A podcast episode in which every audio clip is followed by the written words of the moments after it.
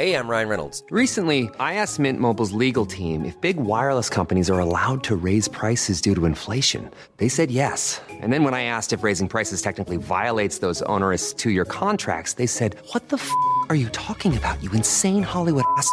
So to recap, we're cutting the price of Mint Unlimited from $30 a month to just $15 a month. Give it a try at mintmobile.com slash switch. $45 upfront for three months plus taxes and fees. Promo rate for new customers for limited time. Unlimited more than 40 gigabytes per month. Slows. Full terms at mintmobile.com.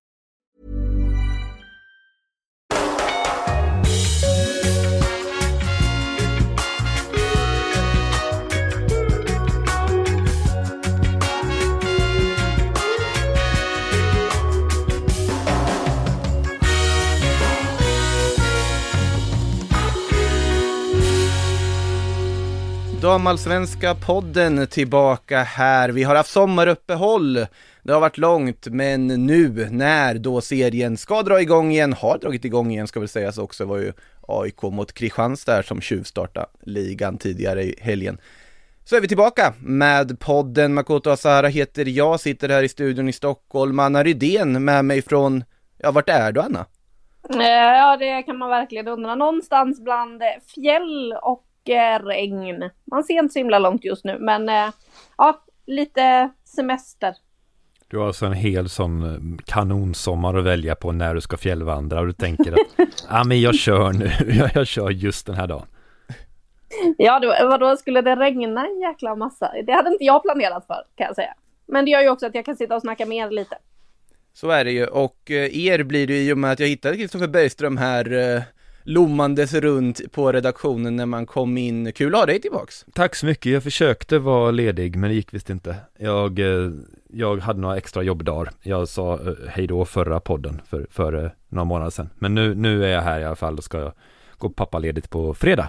Så att jag kan väl vara med lite, men, men det är ju en pappaledig hjärna som sitter här ska jag säga redan nu. Så att jag, jag kan inga namn. Jag vet inte vad någon spelare spelar längre. Utan det här är en riktigt, riktigt dum person som sitter i studion. Hej Makoto, kul att träffa en smart person som du. Hur går statist? eh? Nej, ing- ingenting går bra i mitt liv eh, utöver det, det lilla intima med familjen.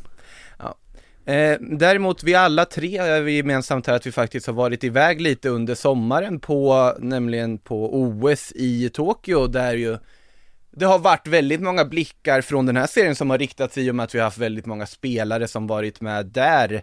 Eh, bland annat såklart i det svenska laget som gjorde stor succé hela vägen fram till finalen som dock slutade på ett väldigt snöpligt sätt. Eh, Anna, du som också var med och följde det här laget hela vägen, vad är dina tankar så här några veckor efter hela äventyret i Tokyo?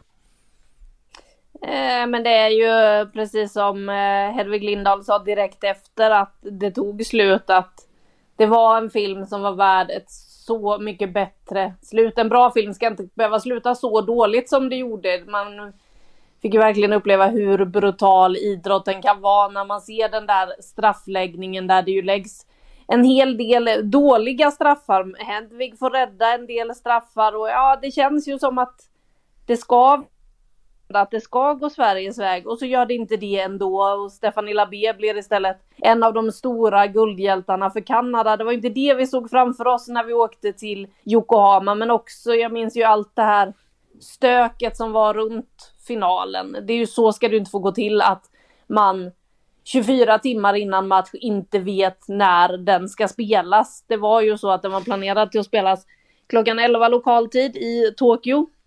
Vi som var på plats kan ju vittna om hur extremt varmt det var vid den, den tidpunkten. Dessutom då inne på Olympiastadion där den skulle ha spelats. Eh, istället precis innan Peter Gerhardsson och Caroline Seger ska kliva in på presskonferens. En presskonferens som dessutom hade blivit uppskjuten flera gånger för att de inte kunde få besked. Ja, då får de veta att matchen blir flyttad till Yokohama. Att det blir avspark senare på kvällen. Det är väl klart att de anade att eh, avsparkstiden skulle ändras, men de fick inga klara besked förrän då klockan 19 kvällen innan. Då var de inställda på att ja, men det kan fortfarande bli 11.00, så där ska det inte få gå till. Det tycker jag fortfarande är frustrerande och irriterande att allt det där hände inför eh, en OS-final.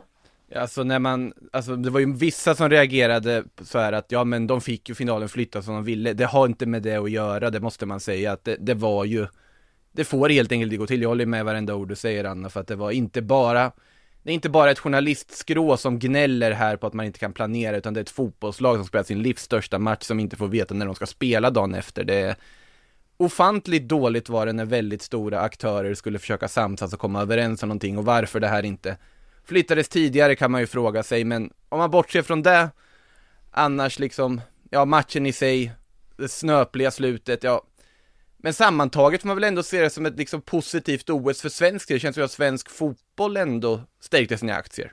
Men det är storsint av det att se det så. Det var eh, otroligt gruppspel. Det var otroligt bra, ett offensivt lag som som är mycket bättre än 2011-laget till exempel. Jag tyckte om väldigt mycket också och sådär. Så det här var, det var jättefint, men, men allting grusas ju av av det sista som händer på något vis. Det, det går inte riktigt att komma ihåg det här som det stora framgångens OS. Det är jättesvårt. Tidigare har vi varit sämre än motståndarna, åtminstone underlägset i anfallsspelet. Så att vi får göra någonting annat, vi får slå mot alla odds. Och sen till slut gå med på att eh, en domare sänker oss som 2003 eller att vi möter övermäktigt motstånd då som 2016. Eh, här är vi bättre och, och ger bort det. Eh, och det gör så otroligt ont när det händer att man inte kan eh, se att det också är dåligt av två lagets stora, stora stjärnor, Kosse och eh, Seger, att missa, inte kunna skjuta innanför målställningen i en avgörande straffläggning. Det går liksom inte att komma dit i huvudet för att det är ont och det, är, det är tomt liksom så att så man, inte ens det kritiska går att ha med sig i det läget. Eh, jag var inne på eh, Facebook för någon dag sedan och så såg jag en puff från SVT som helt har dribblat bort det här. Alltså då, har de, då skriver de det svenska damlandslaget i fotboll kämpade tappert in i det sista. Gilla om ni tyckte att de var grymma. Alltså 16 augusti, det är nu, alltså långt efteråt. Det finns inte ens alternativ för att, nej men jag tyckte de var inte grymma när de gav bort finalen och när de brände straffarna. Jag tyckte inte alls de var grymma. Alternativet är väl att inte gilla? Ja, 13 000 har gillat, hur många som inte har gillat, är det resten av Sverige då? som inte gillar? I och för sig, ja, det, det blir en svår, svår om, om de ska ha någon liksom statistisk eh, bas med det här och göra någonting utav det, denna Alltså jag håller ju med dig i grunden, men det är ja. väl liksom allmänt sociala medier problem. Ja men det är det, men, men, men sammanblandningen här tycker jag är att Jag tycker att man kan säga att det gör så otroligt ont och så jobbigt att de gjorde det så dåligt på slutet Att de inte klarar av, alltså i andra halvlek mot ett kvalificerat, mycket bra lag, men ändå ett lag som de har börjat bättre än, som de har varit bättre än det här OS-slutspelet. Det, det, är synd och det gör ont att de inte klarar av att hålla uppe spelet, att de inte klarar av det, att de misslyckades. Men de var ju inte grymma i det läget. Alltså det var ju synd att de inte var det. De har varit otroligt bra vägen fram dit, men någonstans så kan väl de känslorna få, få finnas tillsammans att, att det var inte bra på slutet. Men det var jättebra innan dess och det är jobbigt att det inte var bättre på slutet. Men måste vi säga att det var bra på slutet? Det var det ju faktiskt inte. Och det, det, det krockar lite för mig i mina eh, känslor här. Jag är, jag är 93 procent, fy fan vad ont det gör. Och 7 procent är jag, synd att det var dåligt på slutet. Alltså det man kan säga att de var grymma på skulle jag säga, det är väl om man då ska hitta någonting. Det är ju att efter den här finalen, att spelarna faktiskt rakryggat tar sig tid och pratar liksom med presskåren. Alltså Caroline Segers intervju hon gör där med Discovery dagen efter, eller precis när de har kommit hem. Wow, att gå ut som lagkapten och sätta sig i en studio och göra det. Eh, det sättet de har hanterat det på så vis, det tycker jag de ska ha all cred för. Mm. Eh, däremot håller jag med dig om att insatsen i finalen, nej, den var ju inte bra nog. Tyvärr, även om straffläggning är ett visst lotteri så var det helt enkelt för dåligt. Ja, och andra halvlek är ju inte bra nog precis där. Eh, det finns också en härlig bild, jag vet inte när den är tagen på landslaget, de står uppradade med silvermedalj på och alla ser pissförbannade ut. Den är väldigt, väldigt fin tycker jag. Jag blir väldigt glad, jag tror den är tagen i Sverige. Nej, jag vet inte var den är tagen faktiskt. Jag... De såg ganska glada ut med medaljerna i Sverige. Ja, jag såg någon bild i alla fall. Jag, jag ska återkomma när jag har den bilden. Jag kommer inte ihåg att jag såg den, ursäkta. Ja, det är bra att bilder inte gör sig så bra i podd i alla fall, så det är ingen kris liksom för podden att du inte hittar den här bilden just nu.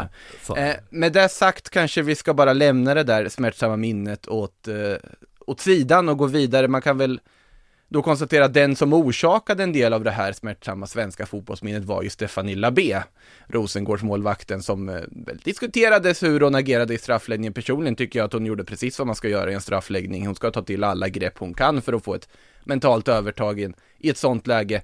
Nu verkar hon kanske vara på väg bort från damallsvenskan dock. Le Parisienner som har skrivit att PSG som är i målvaktskris har tittat mot Rosengårdshållet och eh, med det sagt så kan vi väl komma in på det som hänt här på svensk mark när det har varit OS, nämligen spelare som bytt klubbar.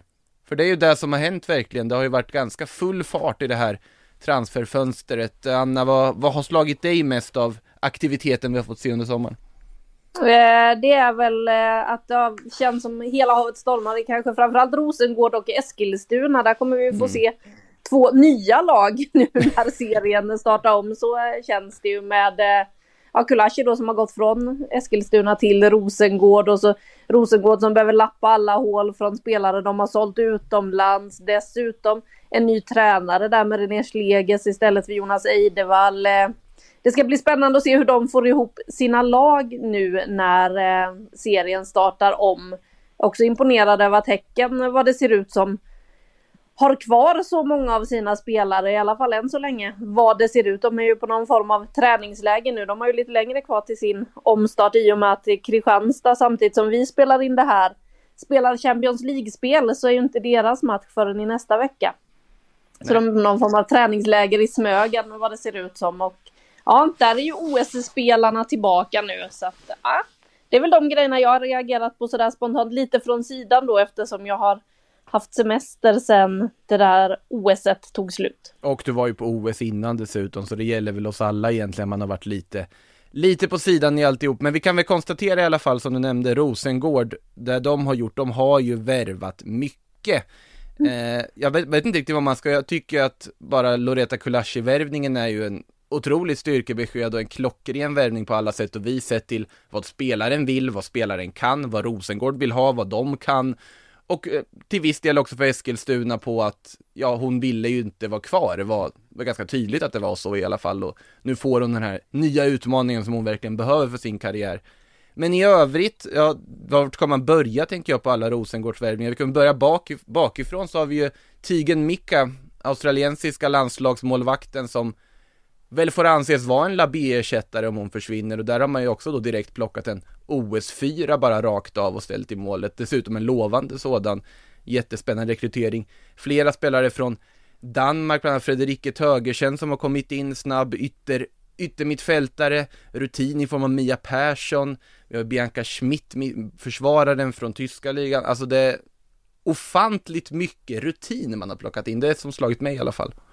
Mm, man har ju liksom inte chansat, utan det här är ju ett lag som ska utan vidare kunna segerflyga på den uh, otroliga vårsäsongen och, och, och, ta guldet. Så ser det ut, mm. även fall det, de ska köra, sam, köra ihop och sånt där. Men det här ser ju verkligen ut som att gör man så här så, så borde det hålla. Kanske inte vinna en seriefinal, uh, det vet jag inte. Men det ser ut som att det här laget ska kunna besegra nästan alla andra. Mm. Och Gudrun Arnardottir ska man väl nämna också, plockad direkt från ett ramstarkt Djurgårdsförsvar och ska ersätta då eh, Glodis Perla Viggosdottir som har gått till Bayern München, så en isländska ut, en isländska in där också. Eh, och ut då? Ja, det är ju Anna Anvegård, Nathalie Björn och Viggosdottir bland annat och antagligen Bennison också. Mm. Det är klart Bennison drar. Ja. Det har vi väl redan sagt där någonstans tror jag. jag tror vi har sagt det ganska många gånger i den här ja. podden, att Anna Bennison ska röra på sig. Men Rosengård som sagt har eh, kastat om ganska rejält. Ska vi gå över på Eskilstuna som du nämnde där Anna? Det är inte bara Kulashi som har lämnat. Nej, de har väl tappat halva startelvan känns det väl som. Eh, Fanny Andersson, Amanda Nildén, Emma Holmgren till Lyon av alla Just ställen. Det. Eh, ja, det, det är ju inte då heller de små namnen eller till små klubbar. Dessutom Italien verkar ju locka halva Sverige just nu som det ser ut. Nildén till Juventus. Vi har ju Karin Lundin från Örebro och Elin Landström. Ja, det så har vi ju sagt tidigare att eh, hon skulle landa in i Italien. Men nej, det är mycket som har hänt i eh, Eskilstuna där. Eh, och framförallt noterbart tycker jag då att det är så många ur startelvan som är de som försvinner. Men Eskilstuna har ju inte riktigt fått ihop det under säsongen så att eh, det blir spännande att se vad de kör med för startelva, vad det blir för lag och hur deras höst blir den här säsongen.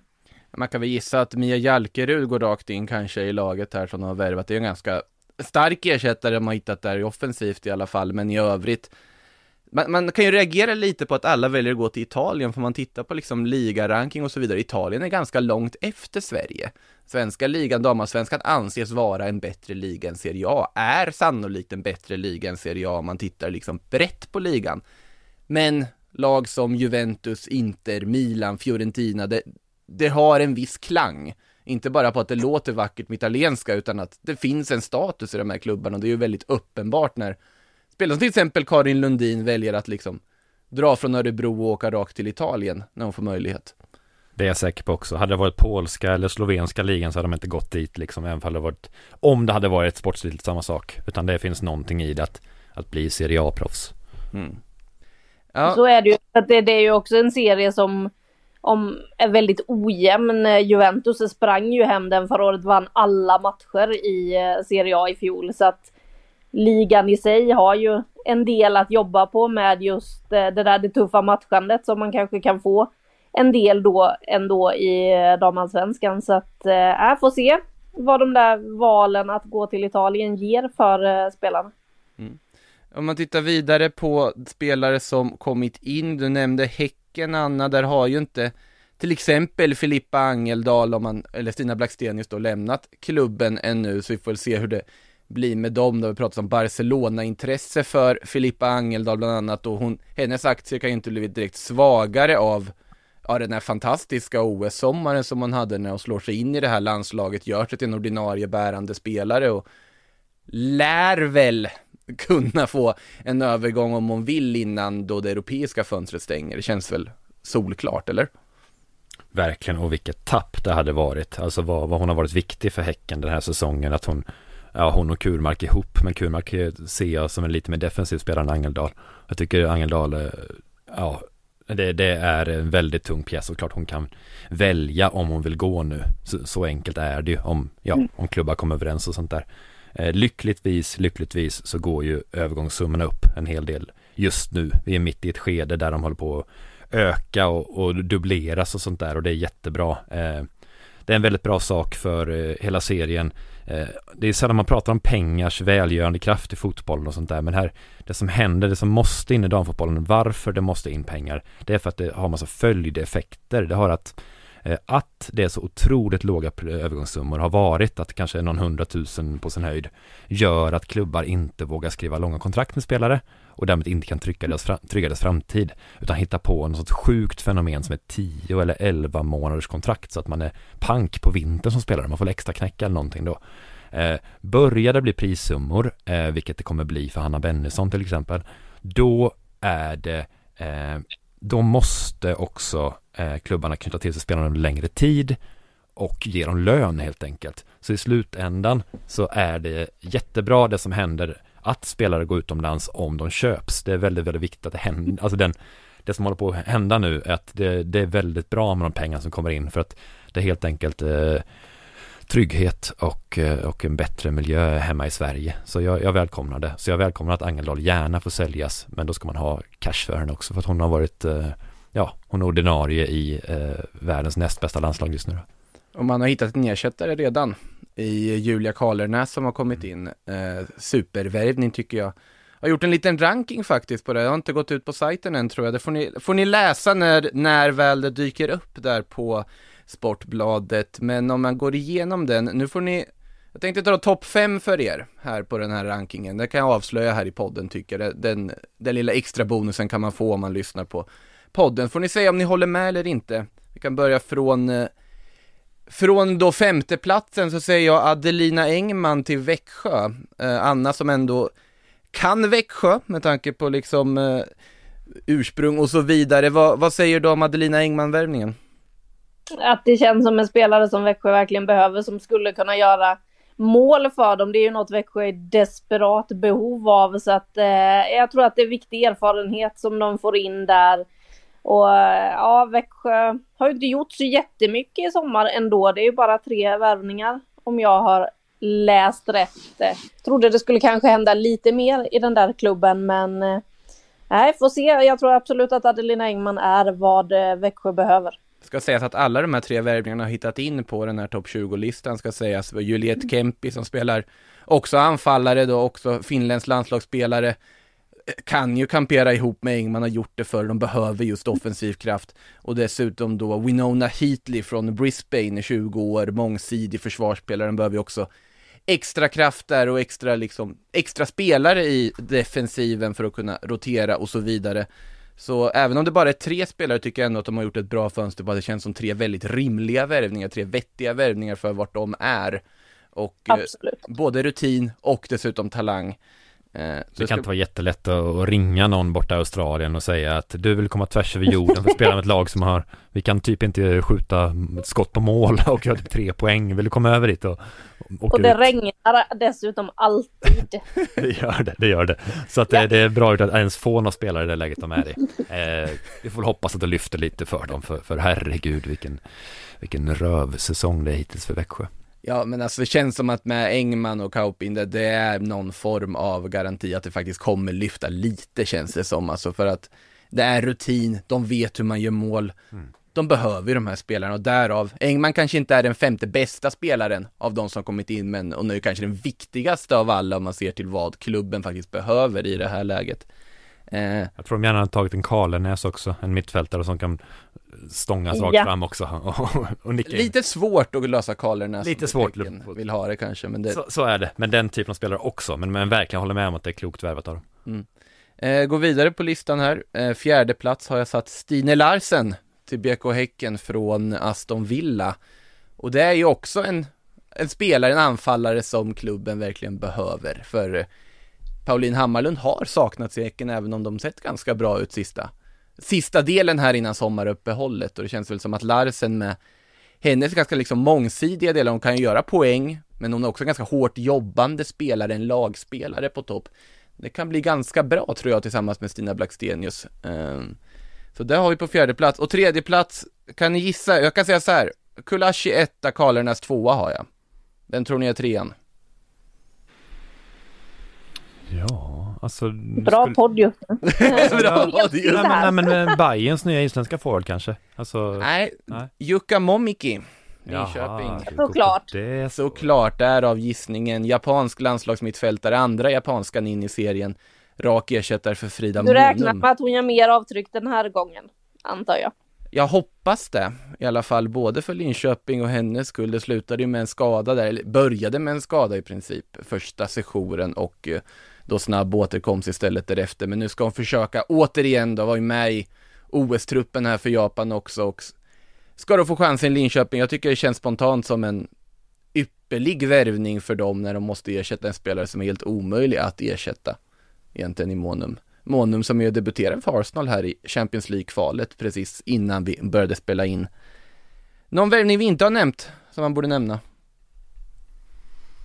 Eh, Det finns det ju säkert nu känner jag eftersom det är så otroligt mycket men jag har inte alla framför mig så att eh, nej, ingen jag kommer på spontant.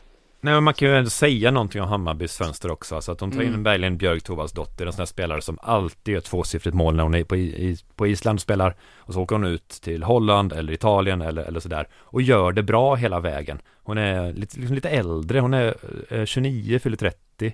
Eh, läser psykologmasters nu i höst. Och ett Hammarby som alltså eh, vårens succélag, trea. Och som inte säljer en spelare va? Eller har jag missat något? De Nej, det är ingen som har, alltså, Hela gänget behåller dem och förstärker också. Vilket är ju rätt häftigt i, i en serie i där. alla fall alla ordinarie är kvar om Ja, så. ja, precis. Alltså både Rosengård och Häcken försvagas. eh, Även om de ersätter så är de svagare. Eh, Linköping försvagas, Eskilstuna försvagas. Hammarby stärker sig, alltså blir ännu bättre just nu. Det är, eh, det är coolt. Och det här är ju en spelare, alltså Trots Hammarby, det, eh, de har varit mycket bättre än jag trodde och, och lika bra som många andra trodde. Och de har ju varit enorma. Så har de fortfarande ingen övre halvan så super super bra striker. Alltså det beror på hur man räknar på spelarna spelar på position och sådär. Men, men tänk om de får det här, om det här blir den tanken också, den här riktiga anfallstanken. Ja det, det, det är vasst alltså, Alltså man fattar ju vad de vill med den här värvningen. Mm. Och det intressanta är också där hon säger när hon presenteras att ja, jag har kommit hit liksom för att den här värvningen är gjord för att hjälpa Hammarby till Europa. Mm. Nu har plötsligt då alltså under sommaren målsättningen ändrats från vi tar en match i taget till ja nu är vi på tredje plats. Nu kan vi faktiskt sikta på att ta den här Champions League-platsen. Och det är ju helt rätt av dem i det här läget de är att satsa på det här sättet och med den med det truppläget de har att de inte faktiskt behöver eller tvingas göra sig av med spelare, att då plocka in någonting som triggar igång dem lite extra här eh, inför fortsättningen. Jag håller med, jättespännande värvning där. Kul att de ringer henne alltså när de fortfarande är ett elitettan-lag som inte ens leder elitettan och pratar med henne om att jo vi tror på det, vi tror vi ska kunna vara över halvan damallsvenskan, vi ska kunna ta över med den här idén. Och sen väntar de ett år och sen, ja nu är vi här, kommer du nu då? Ja, nu gör hon det. Och så, så är hon här nu. Ja, eh, om man ska hålla sig till Stockholm så kan vi säga att AIK hämtar in en anfallare också i form av Kajsa Collin, ännu en spelare som lämnat Eskilstuna i det här fönstret för övrigt. Alltså Eh, hur ska Eskilstuna, det, alltså och så lämnar ju också tränaren, sportchefen, lämnar efter säsongen tror jag. efter Va? säsongen. Ja. Alltså det här var ju ett lag som, som kunde kontra som få nyss, men ville bli mer komplexa och spela mer possession-fotboll. Och så gick det lite halvt, men jobbet var ändå påbörjat. Nu känns som värva Mia Jalkerud, alltså den en enormt duktig djupledare. Och bli av med sina kluriga fötter istället. Vad, vad ska de göra? Ska de backa hem nu och skicka bollar på henne som, som ett gammalt Djurgården var förr? Eller vad, vad är det här exakt för Eskilstuna? Jag förstår inte riktigt det. Man har ju förlorat mycket av alltså kanthoten i Nildén och sen även Fanny Andersson som gått till Ja, gud. Piteå här. Alltså det blir ju Anna Oskarsson som får stå och måtta inlägg mot Jalkerud Ja, i jag, jag vet inte riktigt vad som händer. Det känns som att den här säsongen så kan det inte gå bra på hösten. Så får de sakta då börja med någonting helt nytt med ny tränare till nästa. Alltså mittfältsmässigt, alltså inne mittfältet finns det ju ändå lite att bygga på skulle jag säga. Alltså du har Eckhoff som har imponerat här sen hon, hon kommit in i laget bland annat. Så att det finns ju ganska många alternativ där. Jag tror inte de kommer liksom bara kollapsa. Men det är ju oroväckande vilka tongivande spelare det är som har försvunnit såklart. Och, Jag, jag menar inte en kollaps heller, men jag menar man måste tänka att de ska liksom kunna blicka uppåt tabellen och så vidare. Det känns ju inte som att de är lika slagkraftiga som de var och inte lika här, komplexa just. Det känns lite mer enkelspårigt om man tittar på namn för namn så då. Eller vad säger du Anna?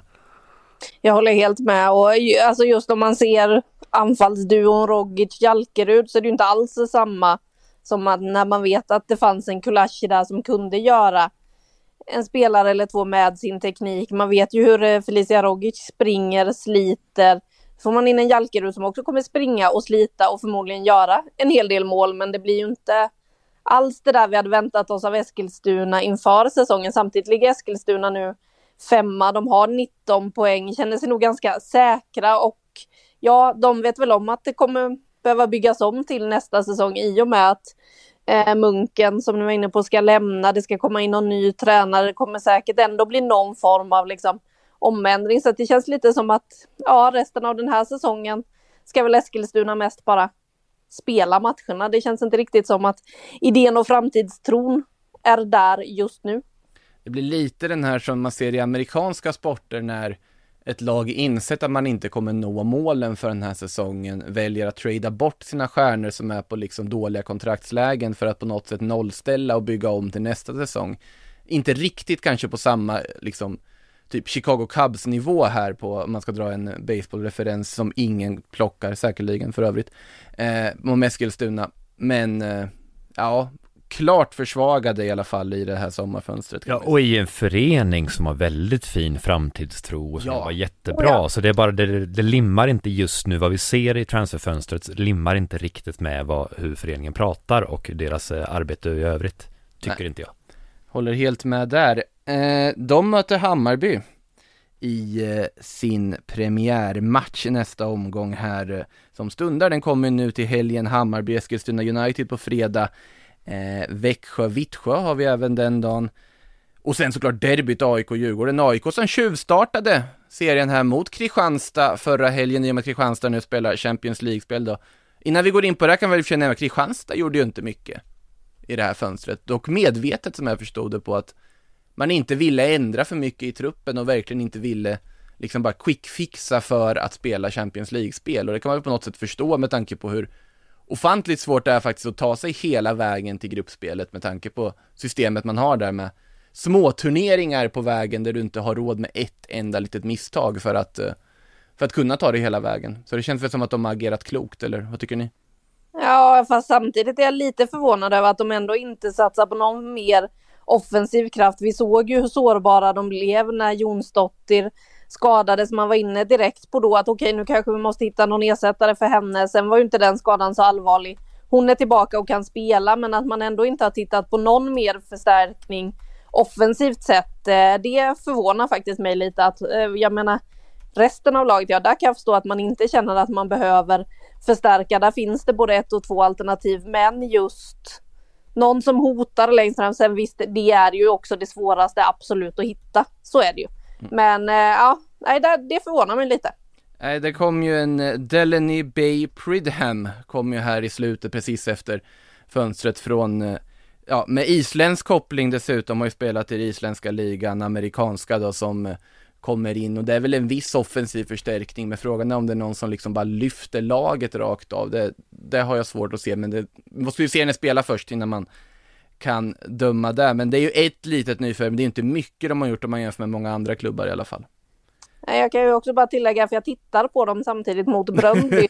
så om folk vill veta ungefär när vi spelade in där så är det exakt när Kristianstad tar ledningen. Hallå där! Yes! I detta nu på en hörna slagen från eh, vänster som liksom studsar och först räddas på mållinjen av en spelare men till slut grötas in.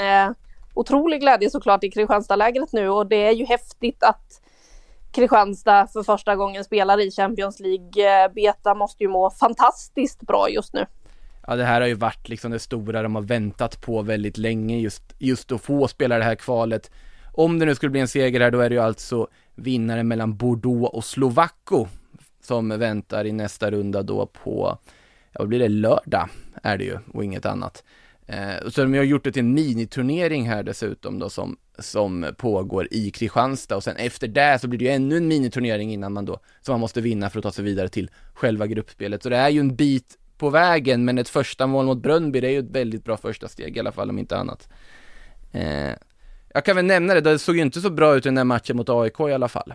Där var De verkar ju inte trivas mot AIK, det kan vi väl vara överens om. Nej, du vet, Therese S. Åsland var ganska tydlig med att det är svårt att spela mot lag som inte har en filosofi både offensivt och defensivt, sa hon med ganska syften på att AIK gick väl för en poäng, var lite det som var hennes känsla var. Sen måste jag väl ändå säga att jag tycker AIK hade spelat upp sig ganska rejält jämfört med det som vi fick se innan sommaruppehållet, vilket i och för sig inte var så svårt att förbättra sig från det kanske. Men Rosa Kafaji strålande i den här liksom mer, lite mer van i den här pressande rollen på topp, gör ett jättefint mål efter ett mönsteranfall dessutom. Eh, känns ändå som att nyförvärven har kommit, även om Kajsa Collin fick lämna efter en halvtimme med skadekänningar tyckte jag att 16-åriga Nildén som kom in riktigt pigg och liksom tog för sig framme på topp. Eh, och Hannah Davison gör en av sina bästa matcher som vi har sett i AIK-tröjan hittills, otroligt säker bakåt och just bakåt, alltså säkerhet defensivt är inget som vi har kopplat med AIK under, under våren i alla fall, så där fanns det väldigt mycket positivt att ta med sig. Kristianstad å andra sidan gav väl bort första halvlek innan man lyfter sig något i andra men får inte in bollen, men skönt ändå att de verkar studsa tillbaka här i alla fall till en början då just nu mot Brönby. Eh, om man blickar mot helgen som kommer då, något särskilt i spelschemat där som ni ser fram emot allra extra mycket? Nu kommer pappahjärnan. Inte en aning vilka matcher det är helgen. Ursäkta, jag skulle kollat det. Anna, säg vilka du ser fram emot. Eh, men Stockholmsderbyt blir ju såklart häftigt med AIK och Djurgården. Sen så vill jag ju se det här Rosengård nu då efter att eh, allt som har skett i deras lag och med spelarna tillbaka de som inte heller då riktigt har fått semester och sådär. Eh, de möter KIF Örebro på, eh, till helgen. Sen har vi ju faktiskt två spännande matcher i nästa vecka som jag ser fram emot. Jag ska ner till Skåne en sväng då när vi har Kristianstad och så Häcken som eh, då spelar sin första match efter OS först i nästa vecka och Vittsjö mot eh, Rosengård. Så att jag är lite mer taggad på nästa helg, eller nästa vecka där mitt i veckan. när vi har storlag på besök eh, mitt i Skåne. Det ser jag fram emot. Nej, personligen så kommer jag ta en tur, tur runt stan lite närmare som sagt. Det blir ju såklart Hammarby, Eskilstuna på fredag och sen derbyt då på lördag. Så det ska bli otroligt intressant att se såklart vad, vad Eskilstuna har hittat på här under sommaruppehållet, vad de får ihop för lag här mot ett Hammarby som ju som sagt ser starkare ut. Och sen AIK som jag tycker ser bättre ut med Djurgården som ja, om de är lika bra som de var innan uppehållet, ja då, då kommer de ju se bra ut. Men det är frågan, hur har det, deras uppehåll sett ut? Vart har vi dem? Det ska bli väldigt spännande att se. Det var ju ett eh, händelserikt derby också, just eh, Djurgården-AIK i Verkligen. våras. Så att, eh, det blir ju intressant att se. Nu kommer ju inte Gudrun Arnadottir då vara med i det här derbyt. Det var ju hon som var mest förtvivlad efter eh, derbyt i våras. Men det kan nog bli lite härliga känslor och förhoppningsvis en del eh, publiktryck på det där derbyt. Så att eh, ja, det blir eh, kul att se vad det blir för match som bjuds på på Skytteholm till helgen. Nämnde ni Piteå och Linköping? För jo, nu har jag spelschemat framför. Den är Bra, ju, den är ju fascinerande. Alltså Piteå avslutar ju jättekonstigt. Först torskade de med 6-1 och sen vann de med 3-4-0 och sen förlorar de lika stort nästa match. Så vad, vad händer med Piteå egentligen? Vad har vi dem egentligen? Så här, nu tar de emot Linköping. Eh, intressant att se om de har stabiliserat det här eller om det är samma eh, konstiga, konstiga form, konstiga lag som, som det har varit eh, på slutet. Ja, Det känns som att, alltså, att Fanny Andersson har kommit in känns tryggt tycker jag. Mm. För det är en spelare man vet levererar, man vet att man kommer få poängen, du vet precis vad du får och det känns som en, precis den typen av spelare som Piteå också behövde få in i det här fönstret. Just det, hon var väl också som alltid spelar också tror jag. Alltså, Ja, ja alltså alltid- konstant alltid- spelare också. Ja. Det, det är ju exakt den typen av stabilitet, lugn och trygghet och liksom ja, leveransgaranti du behöver som du, som du får nu i Andersson. Apropå, kommer hoppa tillbaka till eh, Stockholmsderbyt här lite för att just eh, Arnardottis ersättare tycker jag ska bli spännande att se Camilla Karlsén, eh, danska försvararen, 21 år gammal, U23-landslagsspelare som liksom uppges ha väldigt mycket ledaregenskaper också, en stark ledare, mångsidig, kan spela både försvar och mittfält. Det ska bli väldigt spännande att se henne kliva in i ett derby, om hon nu får chansen från start direkt här och se vad hon kan bidra med, om hon kan kliva upp, för jag tycker att det är en ganska smart och intressant värvning på förhand som Djurgården har gjort där, eh, från FC Fleury i Frankrike. Eh, med det sagt så känns det nästan som att man bara vill liksom springa ut ur poddrummet och sätta sig och kolla andra halvlek av Bröndby-Kristianstad. ja, faktiskt, vad kul. Det är ju Är det den fortfarande 1-0 eller Anna? Ja, det var lite stökigt här precis just nu efter en Bröndbyhörna.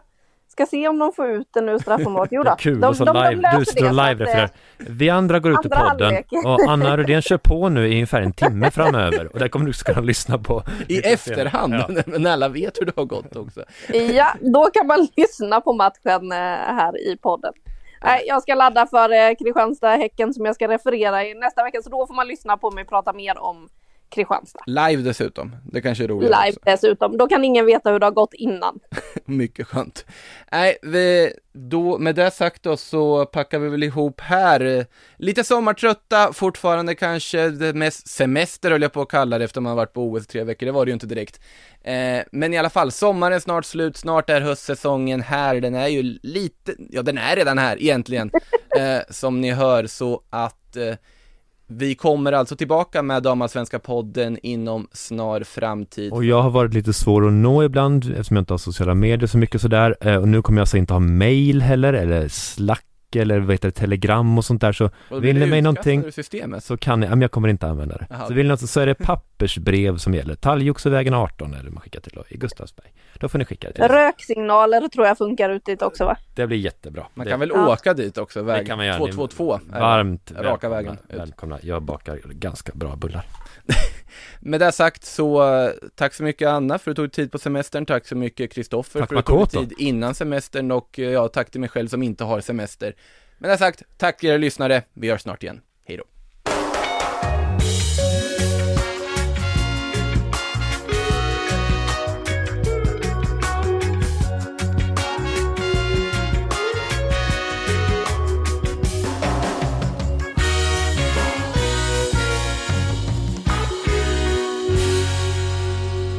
Du har lyssnat på en podcast från Aftonbladet. Ansvarig utgivare är Lena K. Hey, I'm Ryan Reynolds. Recently, I asked Mint Mobile's legal team if big wireless companies are allowed to raise prices due to inflation. They said yes. And then when I asked if raising prices technically violates those onerous two year contracts, they said, What the f are you talking about, you insane Hollywood ass? F- So to recap, we're cutting the price of Mint Unlimited from $30 a month to just $15 a month. Give it a try at mintmobile.com slash switch. $45 upfront for three months plus taxes and fees. Promo rate for new customers for limited time. Unlimited more than 40 gigabytes per month. Slows. Full terms at mintmobile.com.